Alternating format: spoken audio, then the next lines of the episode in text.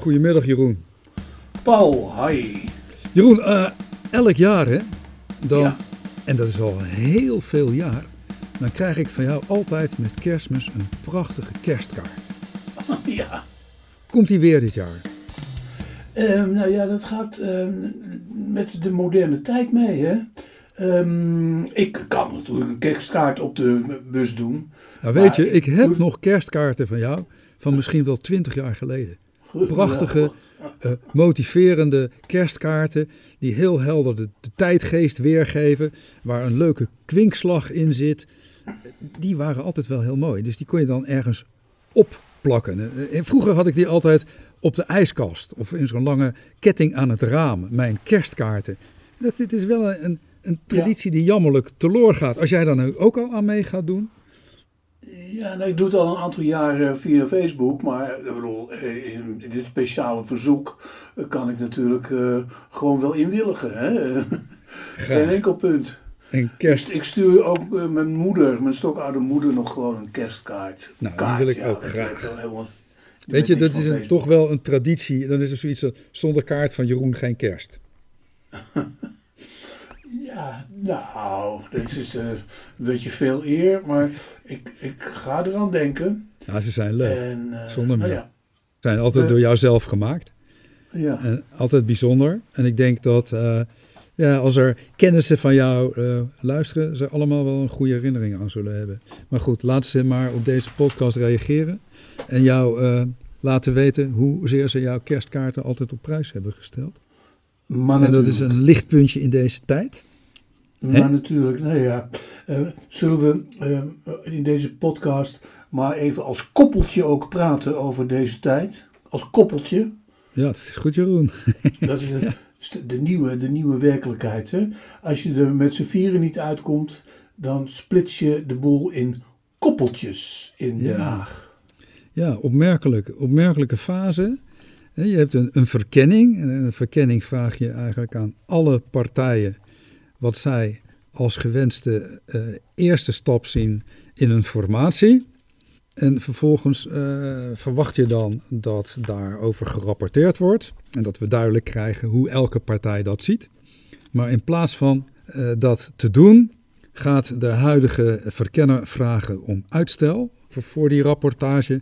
En begint hij een eerste informatieronde, lijkt mij. Ik vind het een eh, ja, aparte gang van zaken, moet ik zeggen. Een kernwoord in dit alles, en dat wordt ook ehm, stuk voor stuk door elke deelnemer, naar mijn idee ook verschillend geïnterpreteerd, is het woord vertrouwen. Ja, vertrouwen in elkaar. Ja. Eh, dat geeft, eh, wat mij betreft, ook de mate van wantrouwen aan. Want je moet alles in Den Haag, wat uit Den Haag komt, tussen de regels lezen.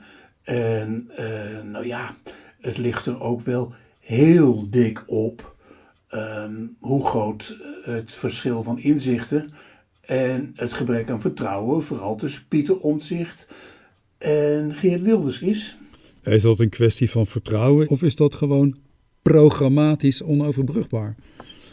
Kijk, Pieter Omzicht is, hoewel eh, je daar vaak eh, anders over hoort of, anders, eh, of dat anders leest, natuurlijk altijd wel helder geweest in zijn standpunten.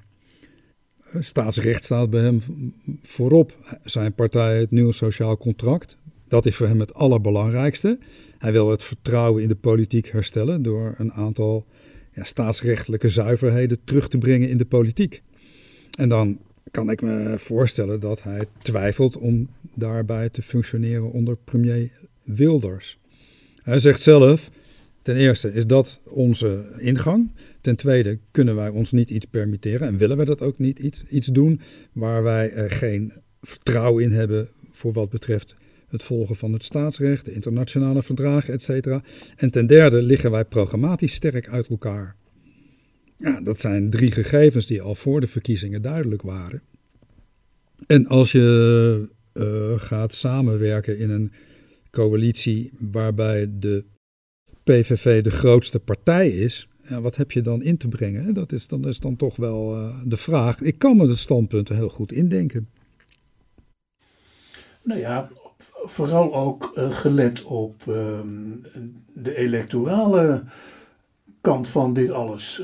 Pieter Omtzigt heeft niet voor niets ehm, door uh, zijn eigen weg naar herstel in te slaan ook een, een aanhang gekregen.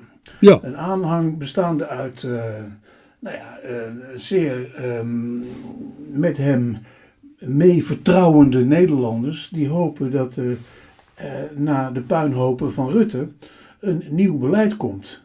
En dan ontstaat vervolgens, uh, niet uit het niets, maar toch wel vrij onverwacht, uh, dit enorme puzzelstuk. Wat in geen enkel koppelgesprek ook maar uh, te passen is in de puzzel van de nieuwe regering in Nederland. Hoe bedoel je dat? Nou, uh, dat. Uh, Wat moet er gepuzzeld worden? De programmapunten van de PVV in het geheel niet passen in de projectie, de mentale projectie die Pieter Omzicht heeft van een nieuw Nederlands bestuur. Ja. Uh, dat is een, dat is een, is een, is een, ja, je kent die puzzelstukken wel, hè? Uh, met allemaal van die ronde vormen. En die moeten passen in openingen, in andere ronde vormen. En dan krijg je bestuur. Ja. Maar die, dat, moet, dat moet passen.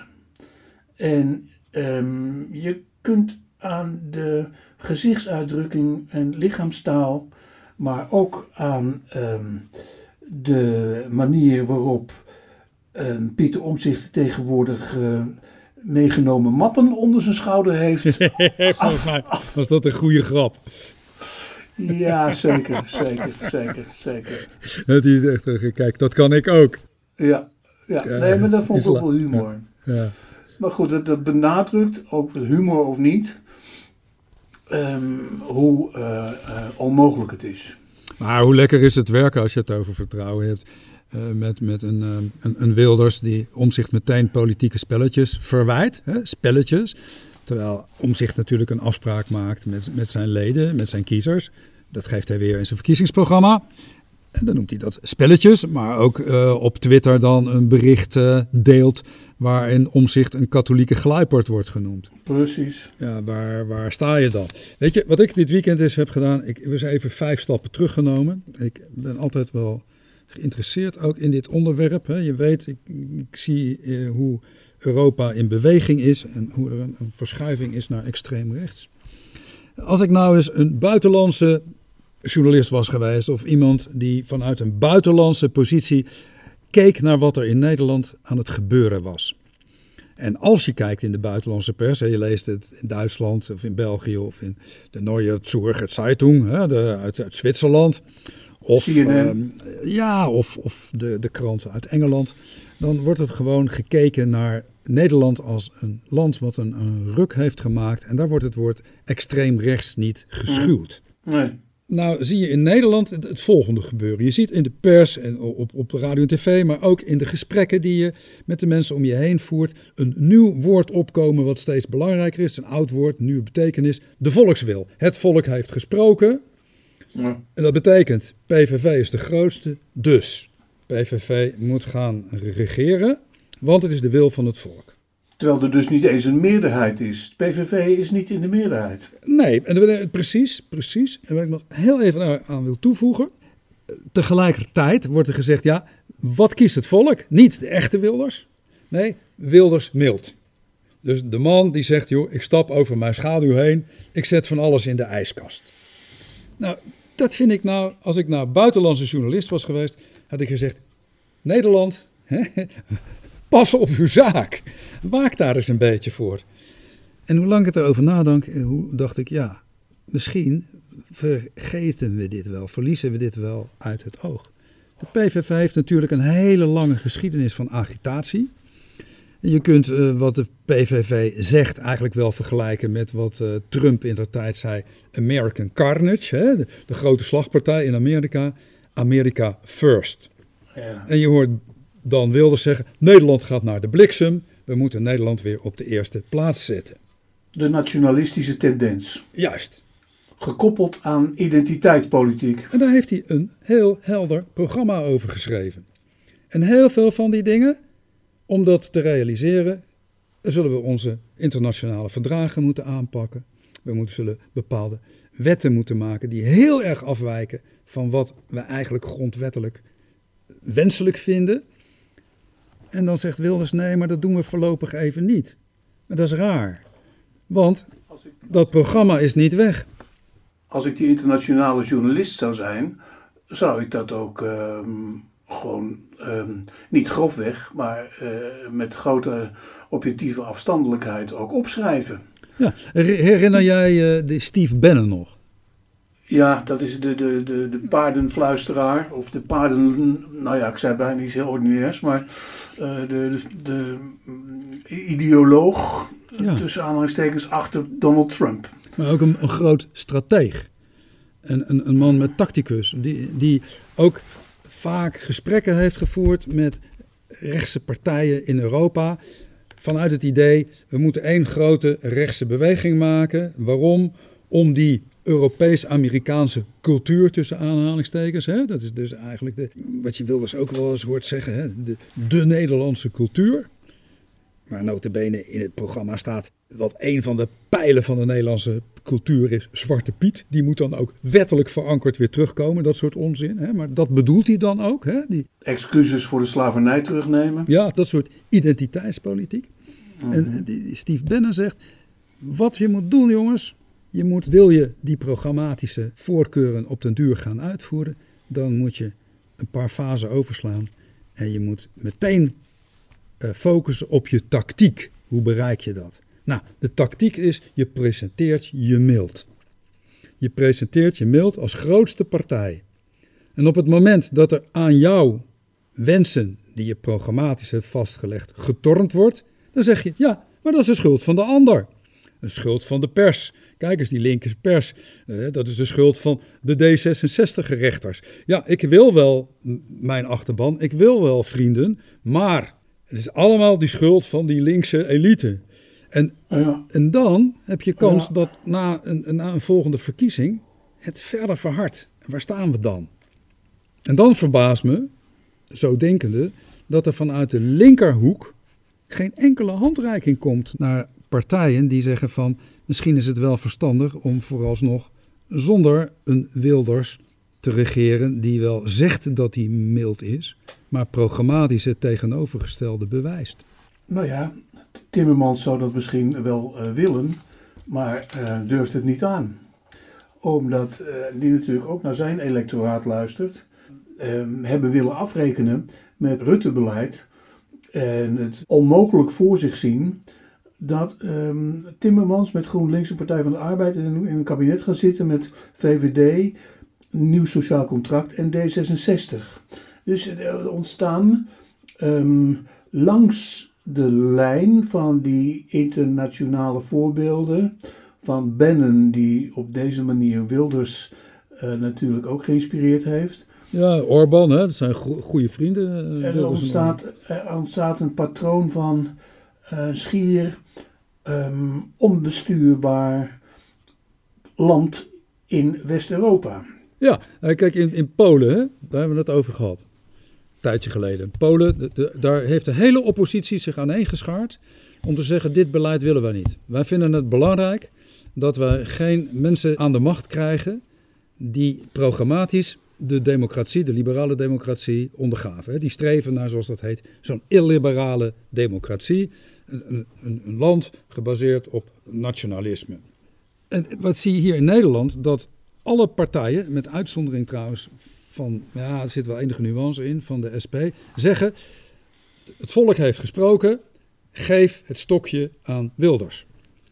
Terwijl ik denk, als je nou zo jammerend naar de verkiezingsoverwinning van de PVV, dat je dan zegt: ja, dames en heren, wij erkennen dat wij misschien tekort zijn geschoten al die jaren in het tegemoetkomen naar de gerechtvaardige wensen van een groot deel van het Nederlandse volk. We gaan er alles aan doen om dat uh, te herstellen, maar wij wensen geen regering onder leiding van meneer Wilders, waarvan wij denken dat het programmatisch niet past bij een, ja, bij een democratische samenleving. Dat zie je dus niet gebeuren. Hoe kan het nou dat je zo uh, daartegen bent, je zo daartegen verklaart en dan tegen de verkenner zegt van wij willen graag een rechtskabinet onder leiding van de heer Wilders. Ja, dat vind ik heel raar. Of is dat ook allemaal tactiek? Zijn dat politieke spelletjes? Nee, um, kijk, ik kijk ook naar mijn socials en daar zijn mensen bij uh, die vrij uh, hoog of dichtbij um, de mensen van GroenLinks, Partij van de Arbeid in Den Haag zitten. En beweren dat ze wel degelijk eh, hebben geluisterd naar de noden van de boze burger, zou ik maar zeggen. Maar dat die burger op zijn beurt, op haar beurt, het sowieso niet van ze aanneemt, omdat ze bij, de, eh, bij het uh, al te elitair en sowieso niet te vertrouwen links behoren. Wat links ook, wat links ook doet in, in tegemoetkoming, in, in um, begrip en vertrouwen, komt op een of andere manier niet aan, omdat links, zoals het nu is, wordt beschouwd als grootstedelijk en um, um, ver van uh, hen vervreemd geraakt. Dat, dat is het, merk, het merkwaardige ja, dat klopt wel, maar is dat wel zo? Het is heel veel psychologie, Paul. Het is heel veel psychologie. Ik hoorde laatst Spekman bijvoorbeeld, hè? Iemand waarvan ik denk een sociaal-democraat in hart en nieren. Ja, bijzonder iemand trouwens. En de, die mevrouw uit Friesland, Ruth Jacobi. Ja, eh, die hebben nogal uh, fundamentele kritiek op de inhoud van het programma.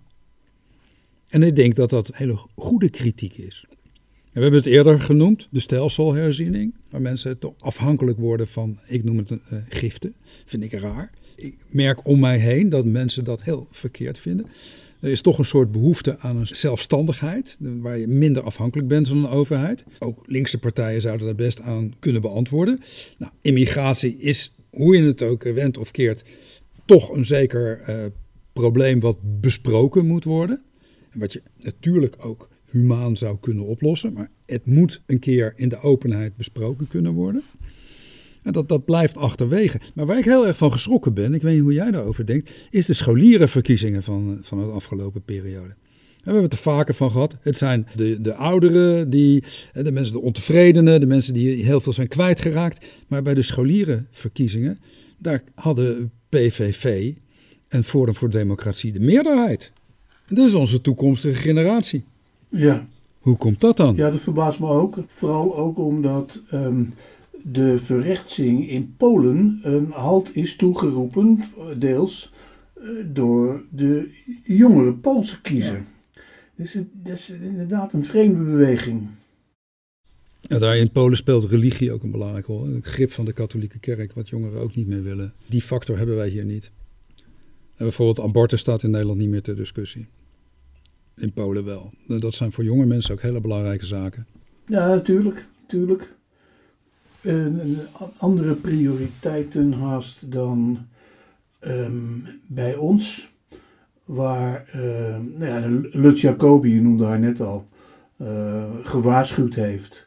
Uh, de samenwerking Partij van de Arbeid, GroenLinks, werkt niet.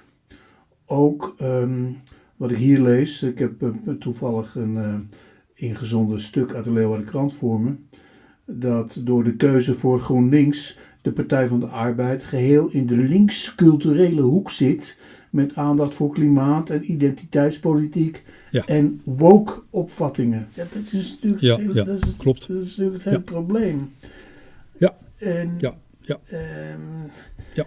Ook zo heeft Timmermans um, ondanks zichzelf meegewerkt aan die vervreemding. Dat is gewoon zo. De ideoloog achter Wilders, Martin Bosma, is een voormalige sociaaldemocraat. Eh, zit, eh, wat ik al zei, het zit een heleboel psychologie. Er zit heel veel teleurstelling in, die achterban van eh, PVV. Nou ja, dat, dat, dat zie je ook natuurlijk. Hè. Je zag van de wijk dat daar waar de VVD zei: ik wil wel een soort functie en een rechtse regering, maar alleen als een gedoogpartner. Leidde dat bij nieuwe peilingen uh, dat de VVD nog eens tien zetels verloor en de PVV die erbij kreeg. En daarna uitsteeg boven de 40 procent. Dat is nogal wat, 43 procent geloof ik. Dan ga je dus naar een electoraat straks van een, van een derde aan, aan de extreemrechtse kant. En dat is enorm hoor. Ja. Ik kijk nog eens even naar die pagina in de Leeuwardenkrant. Ik heb hem nog steeds voor me. Ehm, is het podium voor opinie en ingezonde stukken en zo. Er staat ook een spotprint van Tom. Dat is een, eh, een zeer ervaren watcher uh, uit um, de GPD-kring. En daar staat Wilders voor zijn koeling.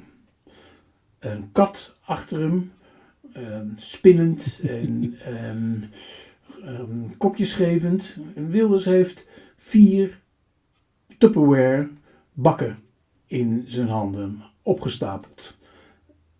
Foute PVV-programmapunten staat er in vier woorden op die Tupperware bakken. En Wilders zegt daarbij: In de koelkast blijft alles lekker vers. Ja, precies.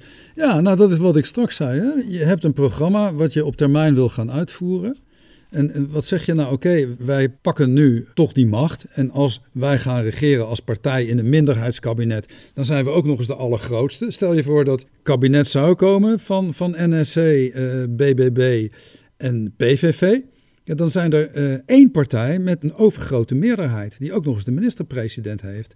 Ja, dat wordt natuurlijk heel erg lastig als je het programmatisch niet met elkaar eens bent.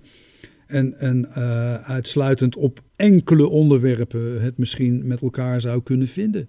En ja, dan blijft over wat ik straks zei, die, die tactiek. Je zegt als, als organisatie, als, als PVV, als partij, kom we gaan regeren. We nemen de voortrekkersrol. En op het moment dat er tegenstand komt van je regeringscoalities, dan zeg je tegen de mensen die op jou gestemd hebben, kijk eens, wij willen wel meer, maar wij kunnen niet. Want... Uh, we hebben hier uh, verkeerde rechters. We hebben hier journalisten die ons tegenwerken, die door hun notabene tuig van de richel zijn genoemd. Ja. We hebben nog steeds te maken met een elite die doelbewuste emigratie nastreeft. Dat is lastig. En dat, is, dat lijkt een beetje op die spotprint. Dus je zet de dingen in de ijskast, maar ze blijven wel vers. Ja, ja, ja. Die ijskast die ligt toch al vol diepgevroren Korans, stel ik me zo voor. En, um, maar los van dit soort humor. Kijk, ik hoorde op Radio 1 ook uh, Maarten Rosmalen bij BNN Vara. Um, met de columnistische vrijheid die hij heeft beweren op Radio 1. Het gehate Radio 1 van de, van de NPO. Dat het op Haags niveau op de achtergrond al lang bekopstoofd is dat Wilders 1 niet zal plaatsvinden. En dat BNN-VARA, was zijn slotregel, altijd zal bestaan. Nou, dat is dus dan het tegenwicht van uh, onze Maarten. Um, maar dan denk ik ook Welke in Maarten? psychologische zin, Maarten van Rosmalen, oh ja. de columnist, ja. um, op uh, dinsdagmiddag op Radio 1. Mm -hmm.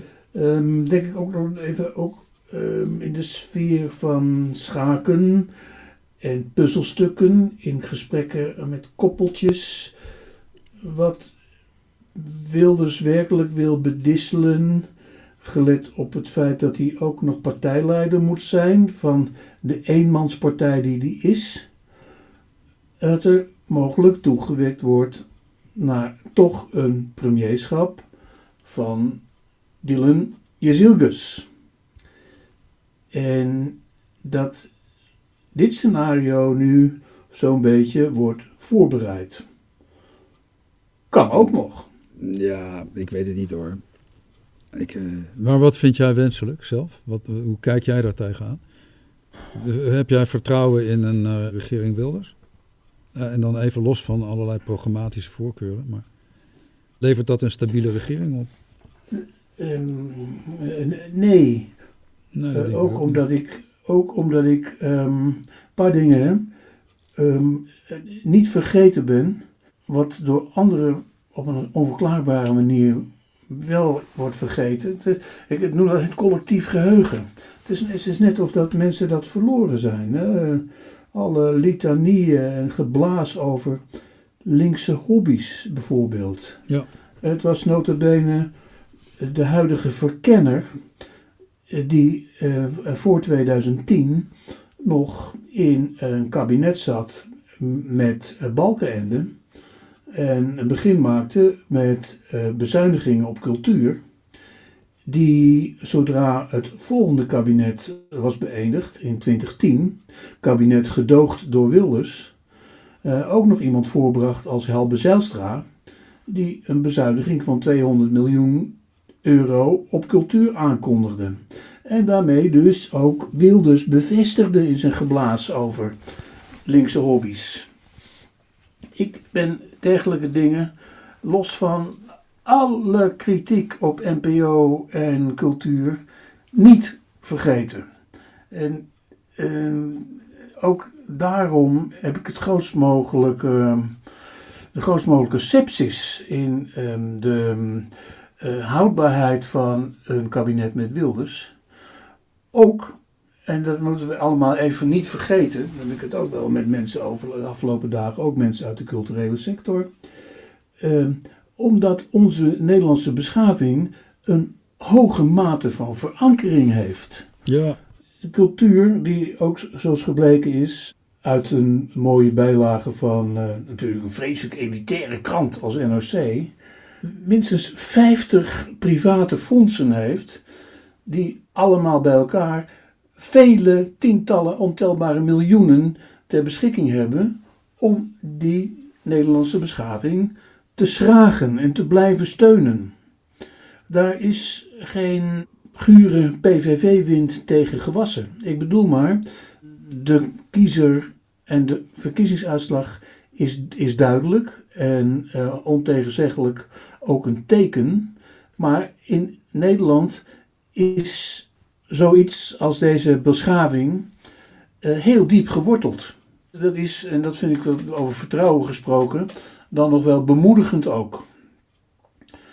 En we zullen ook maar moeten bezien wat een regering met PVV op de korte termijn daaraan kan afdoen. Gelet op, wat ik onlangs ook uit iemand uit de, de, de kunstensector hoorde zeggen, dat er al een kunstenplan voor de, jaren, voor de komende jaren is vastgesteld. Daar is, daar is, daar is moeilijk aan te tornen. Dat zijn van die punten waarin Wilders dan toch kan gaan afgeven en toch zijn, zijn programmatische standpunten kan blijven handhaven. Daar zit nog iets heel geks in. Herinner je nog maar over... Paul, even, even nog, even nog Paul. Ja. Zou die dat dan toch niet beter um, uh, in zijn positie, in zijn ouderwetse rol als stoker in de Tweede Kamer ja, natuurlijk. kunnen blijven doen, dan een premier die eenmaal aangetreden zich moet aanpassen aan van alles wat al vast ligt. Als hij het programma daadwerkelijk op den duur wil uitvoeren, als er sprake is van geen koerswijziging, maar een ijskast, dan is de positie van Wilders in de Kamer natuurlijk een positie die past bij de tactiek van nu mild zijn en straks weer verder pakken. Ja, natuurlijk past dat daar het beste bij. En daarin wil ik toch nog even iets, iets zien wat ik heel opmerkelijk vind op dit moment en wat breed wordt gedeeld. Je herinnert je Rutte, die werd wel vaak gevraagd: wat is nou je visie? Wat is nou de visie van de, van de, van de VVD? De visie van je, je partij op langere termijn. En hij had het toen over: ja, als je uh, visie wilt, dan kan je het beste maar naar de oogarts gaan. En wat je nu ziet, is dat dat overal lijkt te ontbreken. Dat het electoraat enorm volatiel is. Ja, BBB hebben we gehad. En van de een op de andere moment laat men het vallen. En je ziet hetzelfde nu gebeuren ook, ook binnen het, CDA, wat men helemaal heeft laten vallen. En nu ook binnen de VVD. Het, het lijkt alsof die, die liberale kernen van die partij geen betekenis meer hebben voor het electoraat. Dat het electoraat bestaat uit mensen, uit ontevreden burgers, die zeggen: Ja, wij willen iets uh, aan die immigratie, wij willen ons Nederland terug, wat dat dan ook mag zijn. En daardoor massaal zeggen tegen de eigen partij: We zijn teleurgesteld als je niet met Wilders regeert. Datzelfde zie je gebeuren bij uh, NSC. En dat is raar. Want een partij is een organisatie die een politieke visie heeft.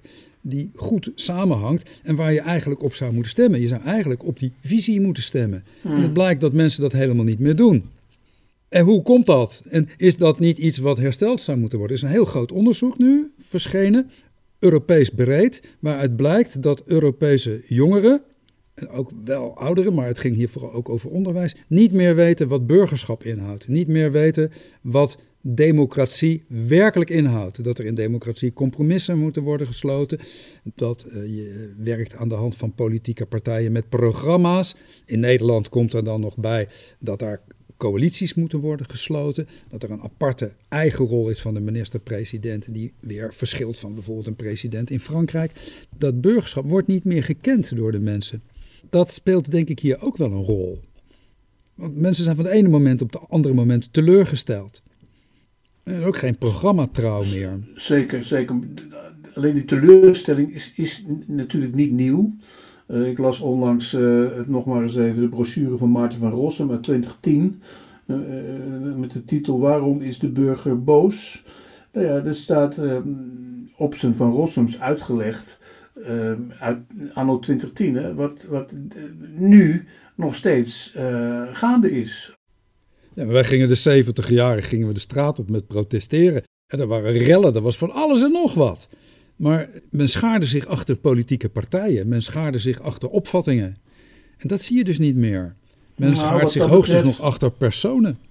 Ja, wat dat betreft uh, is natuurlijk wel heel significant geweest. Vlak voor onze verkiezingen, uh, over jeugd gesproken, uh, dat er toch een heleboel mensen, meer dan 80.000, de straat opgingen ten gunste van het klimaat. Dus uh, het waren niet alleen jongeren, het was een heel verticaal samengestelde uh, demonstratiemassa. Dus dat was in, in die zin wel um, bemoedigend. Aan de andere kant worden nu demonstraties tegen PVV-overwinning weer afgeraden, omdat dat uh, ook hele ondemocratische elementen heeft. Ja, die heeft het ook. Natuurlijk, het, het is dat nog steeds wel een democratisch uh, gekozen dus, partij. Maar het dus electoraat, wat, dat, dat, dat wisselt nogal van, van voorkeur. En dus die nou, scharen zich niet meer achter partijlijnen. En nou, misschien is het, het projecteren van zo'n visie op de toekomst wel belangrijk. Ja, het is iets ja. waar uh, Omzicht het een en ander aan wil veranderen. Ja, nou goed, we gaan eens kijken hoe het zich uh, ontwikkelt de komende week. Omzicht, Omtzigt heeft ervoor doorgeleerd. En dan denk ik nog, zeg ik nog één ding. Denk aan Maarten van Rossum, die in 2010 vaststelde hoe dat dan zat. Ook de psychologie van de boze burger. Maar dat je besturen toch moet overlaten aan mensen die ervoor hebben doorgeleerd. en dat, dat vind ik, daar ben ik het helemaal mee eens. Ja, nou, nou, nou dat is prima. Goed, goed plan. Goed plan. Jeroen, tot uh, volgende week praten we verder. Ja, natuurlijk. Goed zo. Hoi. Hoi.